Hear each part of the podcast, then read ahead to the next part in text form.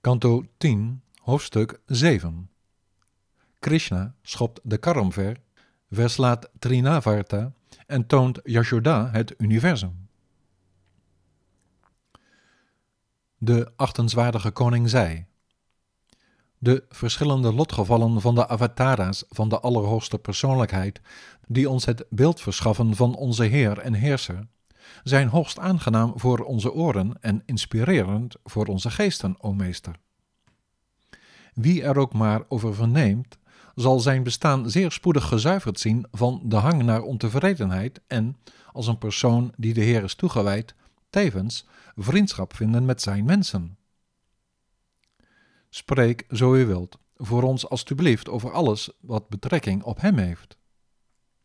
Vertel ons meer over het wonderbaarlijke spel en vermaak van Krishna, die met het nabootsen van de menselijke manier van doen in de gedaante van een kind zijn plaats innam op deze aarde. Sri Shuka zei. Op een dag, toen de maan in het sterrenteken Rohini stond, na drie maanden, kon hij zichzelf op zijn rug keren in zijn wiegje. Om dat te vieren werd er een feest met een baadritueel georganiseerd door de moeders. Ze kwamen bijeen met muziek en gezang, en terwijl moeder Yashoda de baadceremonie uitvoerde, werden er hymnen gezongen door de Brahmanen.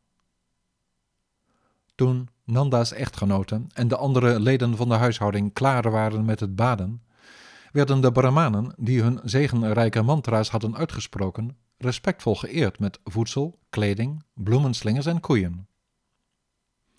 Ziend dat het kind slaperig was geworden, werd het zolang apart gelegd. Terwijl ze er druk mee bezig was om voor de Uthana of omkeerceremonie het de gasten uit heel Vraja naar de zin te maken, hoorde ze niets van het geschreeuw van het kind dat, huilend om te worden gevoed, boos met zijn beentjes in het rond trappelde. De kar waaronder hij was neergelegd werd geraakt door zijn kleine voetjes, die zo ter waren als een nieuw blaadje. Hij kieperde om, zodat al de kommen, schalen en het zoets dat ze bevatten naar beneden kwamen, de wielen en as uit hun verband raakten en de dissel brak. Al de vrouwen en mannen van Vraja, die op uitnodiging van Yashoda en Nanda bijeen waren gekomen voor de Uttana-ceremonie, waren getuigen van die wonderbaarlijke gebeurtenis en vroegen zich af hoe de kar zomaar uit zichzelf dermate in het ongereden kon zijn geraakt. De kinderen vertelden de met stomheid geslagen gopa's en gopis dat er geen twijfel over bestond dat, zo gauw het kind begon te huilen, het met één beentje de kar uit elkaar had geschopt. Zich niet bewust van de ongekende macht van die kleine baby, konden ze het niet geloven. De gopa's hielden het allemaal voor kinderpraat wat ze te horen kregen. Moeder Yashoda pakte haar huilende zoon op en gaf hem de borst. Ervan uitgaande dat het een verkeerde planeetstand betrof, riep ze de Brahmanen op een plechtigheid uit te voeren met Vedische lofzangen. Nadat enkele sterke gopa's de kar weer in elkaar hadden gezet en de potten en zo meer er weer op hadden geplaatst, voerden de priesters met yoghurt, rijst, kusha-gras en water de rituelen uit voor het vuuroffer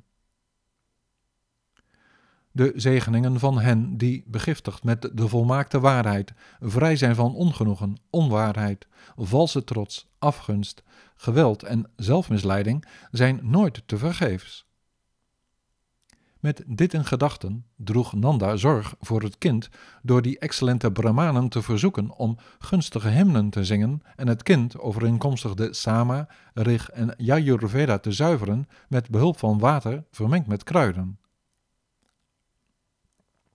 Nadat het kind gebaat was, hield hij, de leider van de koeherders, een vuuroffer en vergastte hij die tweemaal geboren zielen op een uitmuntende maaltijd.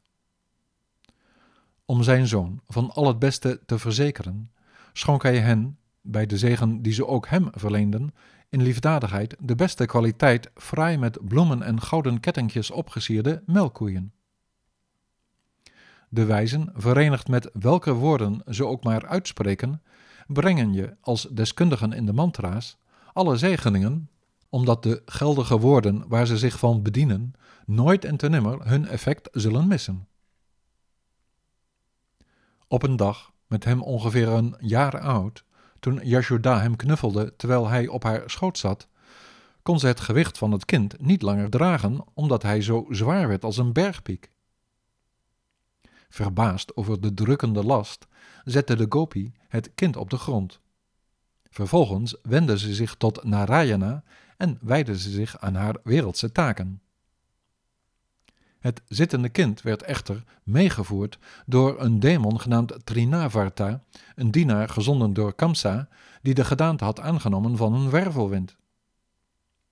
Met een enorm kabaal bedekte hij zwaar bulderend heel Gokula met stof dat in alle hoeken en gaten doordrong, zodat alles aan het zicht werd onttrokken.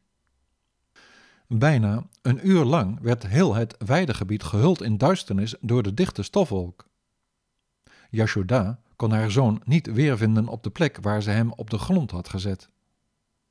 De mensen konden door het opgewaaide stof zichzelf en elkaar niet langer zien en waren verstoord en in de war.